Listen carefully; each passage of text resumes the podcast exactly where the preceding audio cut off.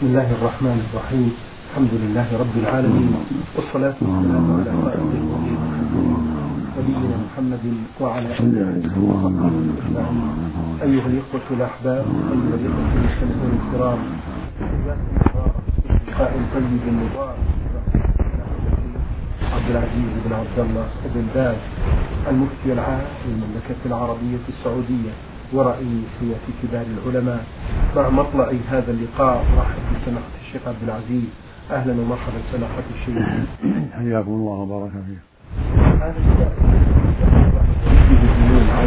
يقول هل يجوز للإنسان سماحة الشيخ أن يدعو في دعائه بقول اللهم بحق محمد عندك؟ لأنني سمعت بعض الناس يقولون بأن آدم عليه السلام عندما أذنب دعا وقال لربه بجاه محمد عندك اغفر لي وجزاكم الله خيرا. سماحة الشيخ. بسم الله الرحمن الرحيم، الحمد لله وصلى الله وسلم على رسول الله وعلى آله وأصحابه ومن اهتدى به أما بعد هذا التوسل لا يجوز لأن المسائل توقيفية عبادة لا يجوز منها إلا ما أعجزه الشرع. والله يقول سبحانه ولله الأسماء الحسنى فادعوه بها. فلا يدعى إلا بأسمائه وصفاته والإيمان به توحيده جل وعلا. ولا يدعى بما يراه الإنسان من توسلات ولا بجاه فلان ولا بحق فلان ولا بحق محمد ولا بجاه محمد ولا بجاه الأنبياء ولا بحق الأنبياء. كل هذا لا يجوز. هذا هو الصواب لأن التوسل عبادة. والعبادة توقيفية لا تثبت بالرأي المجرد والاختيار لا. لابد من الدليل على ذلك. قال الله جل وعلا أم لهم شركاء شرعوا لهم من الدين ما لا يؤمن به الله أنكر عليهم سبحانه وتعالى. قال عز وجل ثم جعلناك على شريعة من الأرض فاتبعها. قال النبي صلى الله عليه وسلم من عمل عملا ليس عليه أمره فهو رد. قال سبحانه من وقال صلى الله عليه وسلم من أحدث في أمرنا هذا ما ليس فهو رد. والشريعة جاءت بالتوسل بأسماء الله وصفاته والإيمان به وتوحيده اللهم إني أسأل بالإيمان بأني أؤمن بك بتوحيده لك بإخلاص عبادتك إلى غير ذلك بأسمائك وصفاتك بصلاتي بصومي بحجي بتكبير والدي إلى غير ذلك.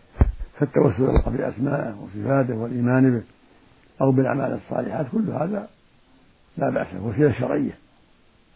ومن هذا حديث الغار أصحاب الغار ثلاثة. كانوا في سفر في من قبلنا أخبر عنهم النبي صلى الله عليه وسلم فآوه المبيت إلى غار وفي رواية المطر. فلما دخلوا الغار انحدرت بهم صخرة فسدت عليهم الغار. وكانت عظيمة لم يستطيعوا دفعها. فقالوا ما بينهم إنه لن ينجيكم من هذه الصخرة إلا أن تدعوا الله بصالح أعمالكم. فتوسل الله بصالح أعمالهم فرج الله عنهم الصخرة. الأول من توسل ببر والديه والثاني توسل بعفته عن الزنا والثالث توسل بأدائه الأمانة ففرج الله عنهم. هذه هي الوسيلة الشرعية. أسماء الله وصفاته توحيده والإيمان به والأعمال الصالحات. أما التوسل بجاه النبي أو بحق النبي أو بجاه الأنبياء أو حق الأنبياء أو بجاه المؤمنين كل هذا غير مشروع بل هو بدعة. وأما حديث أن آدم توسل بمحمد أو بحق محمد هذا حديث موضوع غير صحيح. نبه العلماء على الموضوع لا صحة له ولا أساس ولا أساس له. نعم. جزاكم الله خيرا سماحة الشيخ. السائلة نون عين جدة تقول هل يجب على المرأة عندما تضع الشرشف على رأسها وقت الصلاة أن تبين الجهة؟ لأنهم يقولون لا بد من ظهورها أثناء الصلاة وجهونا بهذا. إيش؟ تقول هل يجب على المرأة عندما تضع الشرشف على رأسها وقت الصلاة أن تبين الجبهة؟ لأنهم يقولون لا بد من ظهورها أثناء الصلاة. لا لا حرج لكن الأفضل ظهور الوجه كله. ما كان ما عندها أحد. السنة أن يكون وجهها مكشوفا. كان في بيتها أو بين النساء السنة يكون مكشوف الوجه مكشوفة الوجه. أما إذا كان عند الرجال تستر وجهها كله. وتسجد على الخمار. والحمد لله. نعم. تقول السائلة هل صحيح بأن من قرأ سورة الكهف له فضل يوم الجمعة. وما هو الحديث الذي يبين فضل هذه السورة العظيمة هذه هذه السورة يفتح بقراءة يوم الجمعة. جاء فيها أحاديث فيها ضعف. ولكن ثبت عن بعض الصحابة أنه كان يقرأها. عن سعيد الخدري رضي الله عنه ويروى عن ابن عمر. وهذا يدل على أن أن لها أصلا فإن الصحابي لما واظب عليها دل على أن عنده علم من ذلك. فالأفضل قراءته يوم الجمعة. نعم. السائلة سماحة الشيخ تقول في هذا السؤال هل تجوز كتابة بعض الأحكام التجويدية فوق الآيات في المصحف؟ لا يجوز أن يكتب شيء. المصحف لا لا يكتب فيه شيء. يجرد إنها من كلام الله سبحانه. لا يكتب حواشي ولا علامات التجويد ولا غير ذلك. لأن المصحف يجب يجرد ويكون خالصا لكلام الله عز وجل. جزاك الله خيرا سماحة من من قدر موت السائلة ألف ألف تقول شخص استهزأ بلسانه بشيء من الدين ثم ندم وبعد ذلك تاب. هل تقبل توبته؟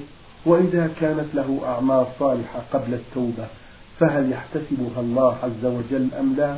وهل يأثم إذا استهزأ من غير قصد في نفسه واستعاذ من الشيطان؟ ماذا يلزمه في هذه الحالة؟ وجهونا سماحة. تقول هذه السائلة شخص استهزأ بلسانه بشيء من الدين ثم ندم وبعد ذلك تاب هل تقبل توبته؟ وإذا كانت له أعمال صالحة قبل التوبة فهل يحتسبها الله عز وجل أم لا؟ وهل يأثم إذا استهزأ من غير قصد في نفسه واستعاذ من الشيطان الرجيم؟ نعم إذا أسلم وتاب تاب الله عليه وأبقى له عمله السابق. وإنما تبطل أعماله إذا مات إذا مات على الردة أما لو استهزأ بالدين أو بالنبي صلى الله عليه وسلم أو بالقرآن ثم تاب إلى الله وندم فإن الله يتوب عليه ويحفظ عليه أعماله السابقة. كما قال النبي صلى الله عليه وسلم لحكيم بن هزام أسلمت على ما أسلفت من خير. والله يقول جل وعلا إن الذين كفروا وماتوا وهم كفار. شرط في بطلان أعمالهم أن يموتوا وهم كفار. فلا بد من هذا الشرط. المقصود أنه إذا مات على الكفر بطلت أعماله. ولهذا قال في الآية الأخرى فيموت وهو كافر. فأولئك حبط له الدنيا والآخرة. أما إذا مات وهو مسلم قد تاب الله عليه وهداه فإن أعماله الطيبة من حج وصلاة وغير ذلك كلها تبقى له الحمد لله. جزاكم الله خيرا سماحة الشيخ. هل ذكر المسلم في غيبته بمدح أو ثناء عليه أو ذكر لحاله كصحة أو عافية أو فقر أو غنى هل هذا يعتبر من الغيبة؟ وهل إذا ذكرناه في أنفسنا بشيء يكرهه هل يجب منا أن نعتذر منه؟ وإذا لم نستطع أعد أعد. يقول هذا السائل هل ذكر المسلم في غيبته بمدح أو ثناء عليه أو ذكر لحاله كصحته أو عافيته أو فقره أو هل هذا من الغيبة؟ وهل إذا ذكرناه في أنفسنا بشيء يكرهه. هل يجب منا أن نعتذر منه؟ وإذا لم نستطع ماذا علينا؟ أفيدونا سماحة الشيخ. أما ذكر الإنسان يحبه ويرضاه هذا ليس بغيبة. كون يقال عنه أنه طيب وأنه محافظ على الصلوات وأنه من الأخيار هذا ليس بغيبة. هذا ثناء. ولا حرج في ذلك. وإنما الغيبة ذكرك أخاك ما يكره كما قاله النبي صلى الله عليه وسلم. الغيبة ذكرك أخاك بما يكره. هذه الغيبة. بخيل جبان بريء اللسان وما أشبه ذلك بما يكره. هذه الغيبة. وإذا اغتاب الإنسان أخاه الواجب عليه يعتذر إليه ويقول سامحني جزاك الله خير أنا وقعت في أرضك. فإن خاف من شر وأن يترتب عليه شر يستغفر الله ويدعو له ويذكر بمحاسنه التي يعلمها عنه في المواضع التي ذمه وعابه فيها ويكفي هذا والحمد لله. وإذا استهزأ بلسانه فهو مستهزئ. إذا استهزأ بالدين هو كافر ولو ما عنده أحد. يستهزئ عليه التوبة إلى الله والرجوع إلى الحق. ومن تاب تاب الله عليه. جزاكم الله خيرا. سماحة الشيخ. هل صحيح أن من أحبه الله ابتلاه حيث أننا سمعنا هذه العبارات دائما وجهونا بهذا سماحة الشيخ عبد العزيز؟ نعم جاء إن الله إذا أحب ابتلاه والنبي صلى الله عليه وسلم يقول أشد الناس بلاء الأنبياء ثم الصالحون ثم الأمثل فالأمثل وهم أحباب الله. فالابتلاء يبتلى به الأحباب ليمحصهم ويرفع درجاتهم. وليكونوا أسوة لغيرهم حتى يصبر غيرهم يتأسى بهم. ولهذا قال صلى أشد الناس بلاء الأنبياء. ثم الأمثل فالأمثل. وفي رواية ثم الصالحون ثم الأمثل فالأمثل. يبتلى المرء على قدر دينه. فإن كان في دين صلابة شدد عليه في البلاء. ولهذا ابتلى الله الأنبياء بها بلايا عظيمة منهم من قتل ومنهم من أوذي ومنهم من اشتد به المرض وطال كأيوب ونبينا أوذي أذى كثير في مكة والمدينة ومع هذا صبر عليه الصلاة والسلام. المقصود أن الأذى يقع لأهل الإيمان والتقوى على حسب تقواهم وإيمانهم. نعم. جزاكم الله خيرا سماحة الشيخ. السائلة من اليمن تقول أيضا هل معنى كثرة الرزق متاع قليل ثم بعده عذاب عظيم؟ الدنيا كلها متاع قليل. الدنيا كلها قال الله تعالى قل متاع الدنيا قليل. وقال تعالى أرضيتم بالحياة الدنيا الآخرة فما متاع الحياة الآخرة إلا قليل. ولو كان عنده مثل قارون وأمثاله وأمثاله وأمثال أمثاله كله قليل. لكن إذا استعان به في طاعة الله وجاد به على عباد الله نفعه ذلك. ولو كان قليلا صدق وأحسن وأقام المشاريع الخيرية وعمر المساجد وصدق على الفقراء إلى غير هذا ينفعه ذلك. نعم. جزاكم الله خيرا. سماحة الشيخ السائلة لها هذا السؤال الأخير تقول سماحة الشيخ من هم الذين يضلهم الشيطان فينسيهم ذكر الله ويحسبون أنهم مهتدون؟ هل معنى ذلك بأن المسلم إذا صلى الفرض ثم ذكر الله وبعد ذلك قام ولم يكن له أذكار في مشيه أو جلوسه أو وقوفه بأنه نسي الذكر؟ يقول الله جل وعلا في كتابه العظيم ومن يعش عن ذكر الرحمن نقيض له شيطانا. يعني الذكر الواجب نعم. عن صلاته وصومه وعما وجب الله عليه. أما إذا اشتغل بدنياه التي أباح الله لا يضر ذلك. اشتغل بها عن عن الذكر باللسان لكن ما اشتغل بها عن أداء الواجبات بل يؤدي الواجبات ويدع المحرمات هذا لا حرج عليه. لكن من شغله حب الدنيا عن ذكر الله عما أوجب الله عليه فهو خاسر قال جل وعلا يا أيها الذين آمنوا لا تلهكم أموالكم ولا أولادكم عن ذكر الله. ومن يفعل ذلك فأولئك خاسرون يعني عندك في الواجب عن طاعته عن الصلاة عن الصوم عن الحج الواجب إلى غير هذا. أما من شغله الشيء المباح أو الذكر المشروع أو أو دنياه المباحة من بيع أو شراء أو زراعة عن بعض المستحبات لا, لا يكون خاسرا ولا يكون من استولى عليه الشيطان إلا إذا شغله عما أوجب الله أو أوقعه مما حرم الله. فيكون قد استولى عليه الشيطان بقدر ذلك. نسأل الله العافية والسلامة. نعم. اللهم آمين. جزاكم الله خيرا سماحة الشيخ. هذا السائل من السودان رمز لاسمه بميم ميم ألف. يقول هل يجوز الاحتفال بالمولد النبوي, نرجو منكم التوجيه في ضوء هذا السؤال. قد سبق منا جوابات كثيرة في هذا في هذا البرنامج وفي غيره وكتبنا في ذلك كتابات كثيرة. فهذا الاحتفال ببدعة الاحتفال بموالد بدعة عند أهل العلم عند أهل التحقيق بدعة بمولد النبي صلى الله عليه وسلم وغيره. فلا يجوز الاحتفال بالموالد لا بمولده صلى الله عليه وسلم ولا غيره من الأنبياء والأخيار كما يفعله الناس بمولد النبي صلى الله عليه وسلم أو البدوي أو الشيخ عبد القادر أو الحسن أو الحسين أو غيرهم كله بدعة. لا يجوز فعله. والواجب الترضي عنهم واتباع طريقهم الطيب وإكرام الصلاة على النبي صلى الله عليه وسلم واتباع سبيله وحتى سنته تعليم دينه. والقيام بحقه من طاعة أمره وترك نهيه والسير على منهاج الصلاة. هذا هو الواجب على المؤمن. قال تعالى قل إن كنتم تحبون الله فاتبعوني. ما قال فأتخذوا مولد لي احتفلوا بي. قال إن كنتم تحبون الله فاتبعوني يحبكم الله. فعلامة المحبة اتباعه وطاعة أوامره وترك نواهيه. أما إقامة الموالد والبدع التي ما أنزل الله من سلطان فهذا لا يجوز. بل هو من وسائل الشرك.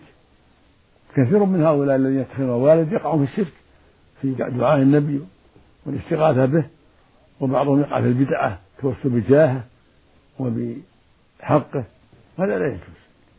أما التوسل بمحبته والإيمان به لا بأس. اللهم إني أسأل من محبة نبيك وإيماني بنبيك أن تغفر لي لا لا, لا بأس به. أما التوسل بجاه النبي أو بحق النبي فهذا بدعة ما عليه دليل. إنه من البدع. والتوسل بمحبته والإيمان به والسير على منهاجه هذا توسل شرعي. فالمقصود أن الاحتفال بالموالد من البدع سواء كان مولد النبي صلى الله عليه وسلم أو مولد غيره من الأنبياء أو الصالحين أو الصحابة أو غيرهم كله من البدع. وهكذا الاحتفال بليلة نصف شعبان أو بليلة 27 من رجب يسمونها ليلة الإسراء والمعراج هذه بدعة. أو الاحتفال بأول ليلة من رجب ليلة الجمعة من رجب أو ليلة من جمعة من رجب يسمونها صلاة الرغائب بدعة. المقصود أن الاحتفال بما شرعه الله يتقرب به إلى الله لم البدع ما فعلها النبي صلى الله عليه وسلم. النبي صلى الله عليه وسلم هو أصدق الناس وأنصح الناس. علم الأمة كل خير ودعاها إلى كل خير. ولم يحتفل مولده في حياته صلى الله عليه وسلم. مكث في المدينة عشر سنين وهو رئيس المؤمنين وأميرهم ليس له معارض ولم يحتفل مولده عليه الصلاة والسلام.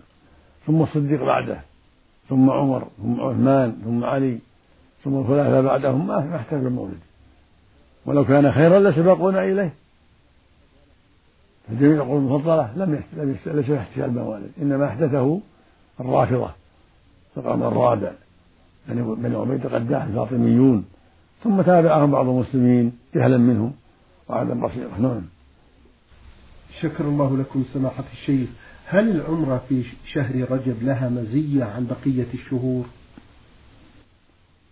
كان السلف يفعلونها لا حرج فيها. وثبت عن عمر انه كان يعتمد في رجب ومن عمر. ذكر ابن سيرين أن السلف كانوا يفعلونها كما قال ابن رجب رحمه الله في اللطائف.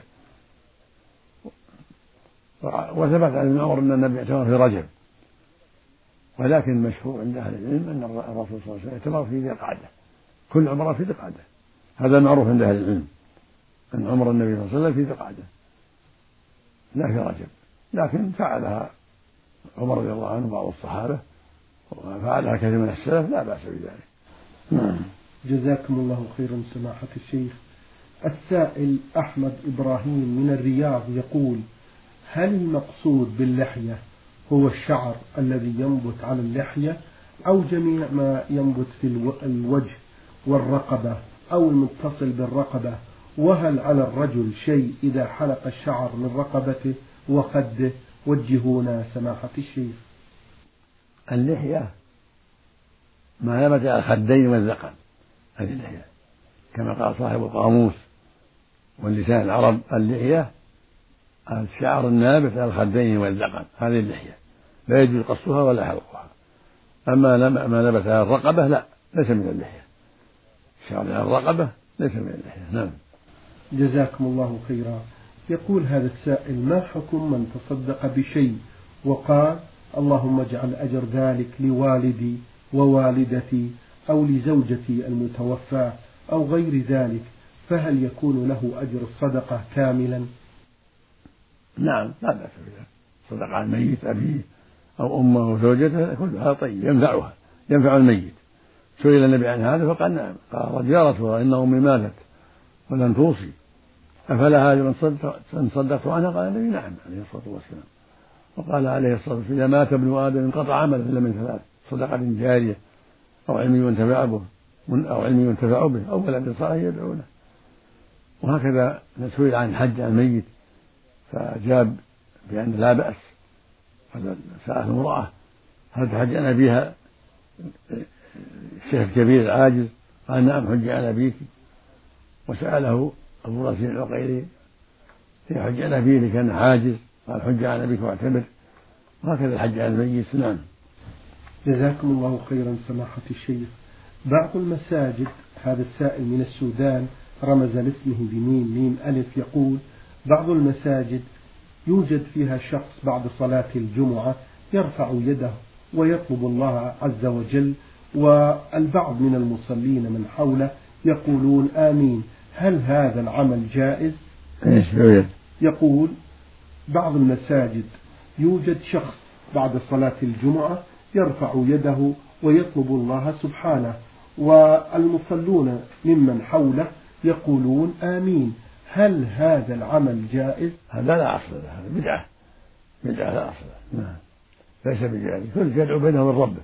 كل واحد يدعو بينه وبين ربه.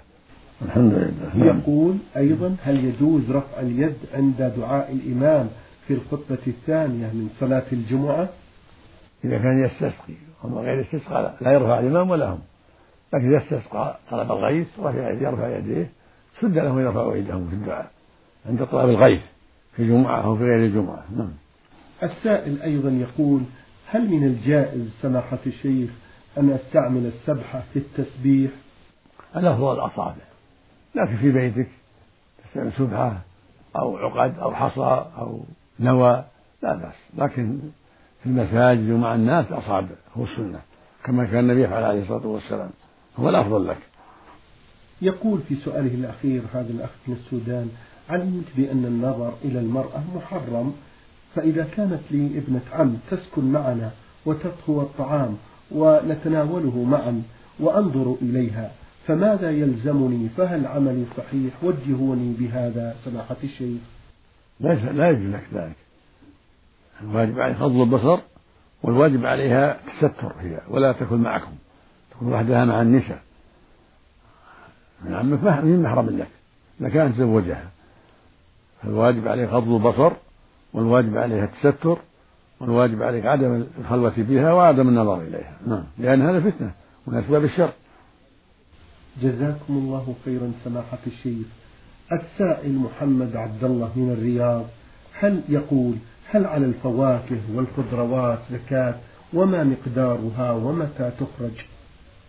ليس عليها زكاة الفواكه والخضروات ليس فيها زكاة. زكاة في الحبوب والثمار. حبوب وثمار أماكنها مدخرة نعم. يقول هذا السائل ما حكم شراء أي بضاعة بدين لمدة معينة بسعر أكثر مما يستحق نقدا بالحاضر؟ فهل هناك إثم أو ربا على البائع والمشتري؟ لا حرج في ذلك. سلعة تساوي 100 نقدا اشتراها 120 إلى شهر شهرين سنة سنتين لا بأس. المقصود أن الزيادة من أجل الأجل لا حرج في ذلك. جزاكم الله خيرا سماحة الشيخ. السائل أحمد إبراهيم يقول ما حكم من كان له ابن معوق وتصرف له مساعدة سنوية من الحكومة؟ فهل مطلوب منه أن يجعلها للطفل؟ فهل مطلوب منه أن يجعلها للطفل المعوق فقط أو يجمعها ويشتري له شيء يخصه عن إخوته؟ أم يحق للوالدين ولبقية الإخوة الانتفاع بها؟ سماحة الشيخ. والده مخير إن شاء حفظها وإن شاء أنفقها عليه أو أكلها الوالد لأن الوالد أنت ومالك لأبيك. فإن شاء أنفق عليه من ماله وإن شاء أنفق عليه مما قررت الحكومة له وإن شاء حفظه له. كل ذلك إلى الوالد. لا بأس بذلك. يقول هذا السائل ما حكم صبغ شعر اللحية بلون غير الأسود مثل البني الفاتح وغيره؟ صبغها سنة إذا شاب الإنسان. يقول النبي صلى الله عليه وسلم غيروا هذا الشيء واجتنبوا السواد. فإذا صبغها بالصفر بالأصفر أو بالحمرة أو بالحنة والكتم بين السواد والحمرة لا بأس. المحرم الأسود الخالص هذا ممنوع. نعم. يقول هذا السائل سماحة الشيخ محمد عبد الله من الرياض ما حكم زكاة الفطر وما هو الأفضل الأرز أم القمح أو خلافه؟ زكاة الفطر سنة واجب فريضة. تجب عند تمام رمضان. يجب إخراجها قبل العيد. والأفضل يوم العيد قبل الصلاة. وإن أخرجها قبل العيد بيوم ويومين لا بأس. من قوت البلد صاع من قوت البلد. رز أو شعير أو تمر من قوت البلد. والأفضل الأنفع والأغلى كل ما كان أغلى وأنفع فهو الأفضل. نعم. جزاكم الله خيرا. سماحة الشيخ. هل غرس أشجار الفواكه من الصدقة الجارية؟ وهل تنتهي هذه الصدقة بعد موت هذه الأشجار؟ كما أرجو من سماحة الشيخ أن يدلنا على الأمثلة على الصدقات الجارية. جزاه الله خيرا. الشجر النافع إذا غرسه. وقفا لوجوه الخير. غرس رمان غرس العنب يصدق بذلك. يكون تبع الوقف. من أوقاف غرس نخل يريده وقفا في وجوه الخير وأعمال الخير. لا بأس بذلك. يكون صدقة يصدق بثمرته. في وجوه الخير إذا أراد به الخير وأعمال الخير وقفا لله عز وجل. أو بنى بيتا أو أو شرى بيت الإسبالة جعله وقفا لله. أو مزرعة أرض تزرع يصدق بغلتها في وجوه البر وأعمال الخير كل هذا من باب الوقف الشرعي من باب الصدقة. نعم. جزاكم الله خيرا سماحة الشيخ. ما حكم وجود الكتب الشرعية من تفسير القرآن الكريم أو خلاف ذلك من الأحاديث في مكتبتي في المنزل؟ علما بأنني أقتني هذه الكتب رغبة مني في بعض الكتب القيمة المفيدة لي ولأبنائي لكن أبنائي صغار. وأنا أنشغل كثيرا عنها. فهل علي شيء في هجر هذه الكتب؟ ليس عليك شيء. تحفظ بمصلحتها لأجل أهل طالع يستفيد منها أولادك يستفيدون منها إن شاء الله. أنت على خير إن شاء الله. لا بأس بذلك. نعم.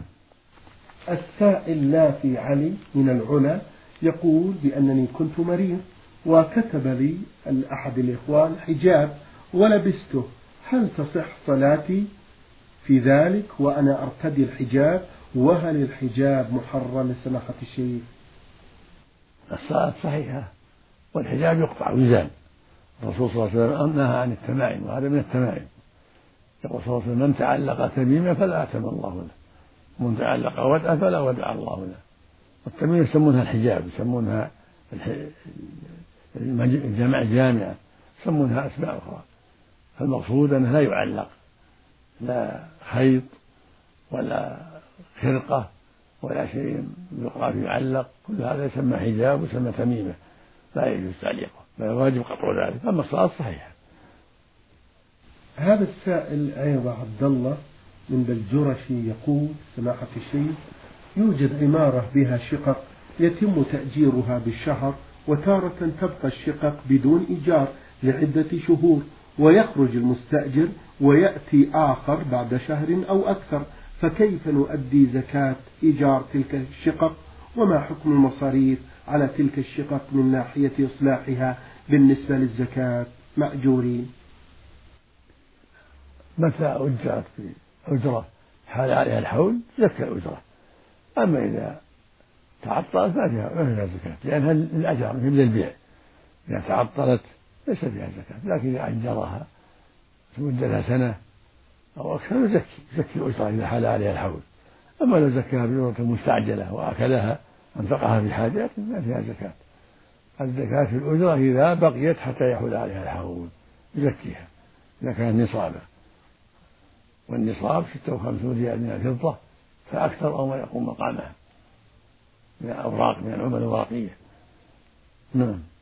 شكر الله لكم سماحة الشيخ وبارك الله فيكم وإياكم. وفي علمكم ونفع بكم المسلمين. ونسأل الله عز وجل أن يحفظكم بحفظه وأن يكلأكم برعايته. التوفيق نعم. إخوة الإيمان أجاب على أسئلتكم سماحة الشيخ عبد العزيز بن عبد الله بن باز المفتي العام للمملكة العربية السعودية ورئيس هيئة كبار العلماء. شكر الله لسماحته وشكرا لزميلي مهندس الصوت فهد العثمان والسلام عليكم ورحمة الله وبركاته.